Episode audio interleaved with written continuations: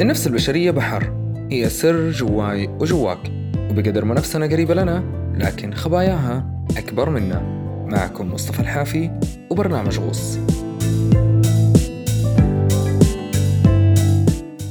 في غوص بنحاول نتعمق ببعض المشاكل والأمراض النفسية وطرق علاجها. بنروي قصة لأشخاص عانوا من هذه الأمراض وكيف أثرت فيهم وعلى حياتهم.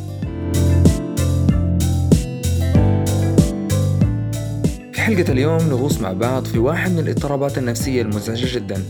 اضطراب صعب أن نخفيه وفي مواقف كثيرة ممكن حتى الناس اللي حولنا يشعروا فيه ويلاحظوه ويتكلموا عليه ويمكن يصير علامة مميزة.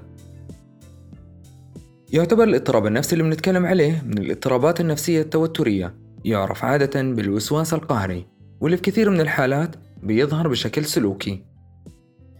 الوسواس القهري اضطراب واسع الانتشار وبيظهر بأشكال عديدة يمكن من أشهرها وسواس النظافة واللي نسمع عنه كثير وأنا شخصيا كنت مصاب فيه.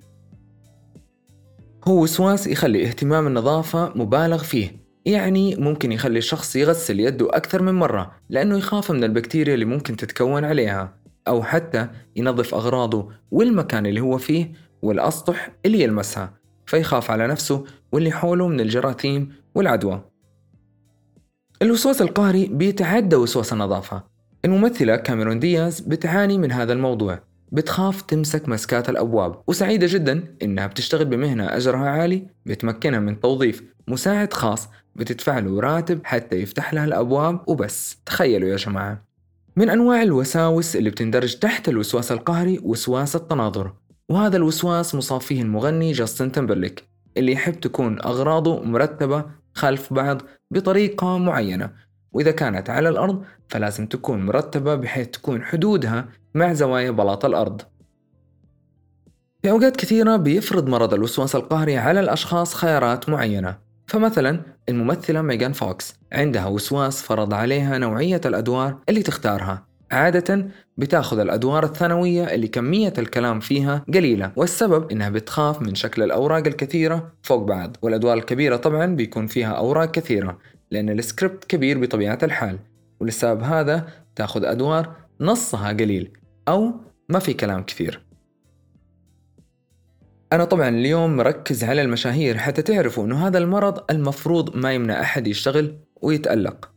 ممثل مثل ليوناردو دي كابريو مثلا عنده أكثر من وسواس مثل الدخول والخروج من الغرفة قبل لا يسوي أي شيء. وطبعا كل الناس تجلس تنتظره إلى ما يخلص طقوسه وأحيانا بيفضل أكثر من عشر دقائق وهو بيمارس هذه الطقوس. بيعاني ليوناردو من وسواس آخر فبتلاقوه هو ماشي بالطريق يحب يمشي على الأماكن الداكنة أو أماكن الأوساخ والعلك على الأرض. لكن بصراحة يا محلى هذه الوساوس أمام وسواس الشك. قد قفلتوا الباب ورجعتوا تأكدتوا منه أكثر من مرة؟ أو قفلتوا أنبوبة الغاز ورجعتوا تشيكوا عليها؟ يعني خرجتوا من البيت ورجعتوا من ثاني تتأكدوا منها أو من الأنوار. هذا اسمه وسواس الشك.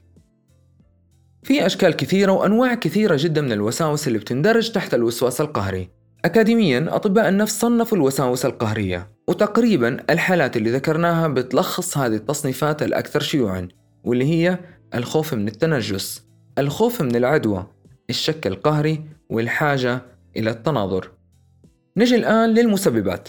ما في مسبب صريح وواضح لاضطراب الوسواس القهري لكن في عوامل للمسبب المحتمل منها عوامل بيولوجية مثل تغير كيميائي في أداء الدماغ أو عوامل جينية وراثية أو حتى عوامل بيئية. بسبب عدوى محتملة أو التهابات. طيب كيف نعالج الوسواس القهري؟ الحقيقة إن طبيعة المرض بتوحي إن ما في علاج وإن هذا المرض شيء متأصل بشخصية المصاب. لكن للمعلومية كثير من المصابين بيعانوا من الوسواس بعد سن معين أو نتيجة موقف سبب له صدمة نفسية معينة. ولهذا السبب اطمنوا العلاج موجود وبينقسم لشقين. الشق الأول علاج نفسي وهو عبارة عن جلسات. ولها عدة طرق وأساليب مثل أنه يتم تعريض المصاب للأسباب اللي بتثير الوسواس عنده لكن بيمنعوه ياخذ ردة فعل وطبعا تحت إشراف اختصاصي وممكن كمان استخدام العلاج المعرفي السلوكي مع مراعاة أن الموضوع بياخذ شوية وقت. مرات الجلسات ممكن تستمر لعدة شهور بالحالات المتقدمة. الشق الثاني من العلاج هو دوائي بيبدأ أولا بمضادات الاكتئاب بعدين المهدئات ومعالجة آثار القلق. وأكيد الجرعات كمان لازم يتم تناولها وفق وصفة الطبيب وبإشرافه.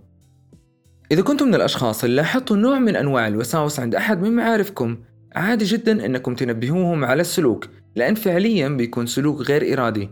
التذكير ممكن يخليه ينتبه لحالته أكثر ويحاول يصلح ردة فعله. طبعا من المهم جدا ننتبه للأسلوب في النصح يعني من غير تنمر أو إحراج للشخص أمام مجموعة من الناس. ملاحظة أخيرة. أحب أنوه أنه مو بكل الوساوس القهرية تعتبر مشكلة لدرجة أنها بتحتاج لعلاج. فقط الحالات المتقدمة اللي بتزعج صاحبها وممكن حتى تزعج اللي حوله أو تكون غير لائقة اجتماعيا. في بعض الأحيان ممكن الشخص يشعر أن الوسواس ميزة بنظره وما يحب يتخلص منها. وبكذا نكون وصلنا لنهاية حلقتنا عن اضطراب الوسواس القهري. ألقاكم بحلقة جديدة نغوص فيها مع بعض بخبايا نفسية جديدة. وأنا وأنتو بكامل صحتنا النفسية والعقلية. كان معكم مصطفى الحافي. سلام.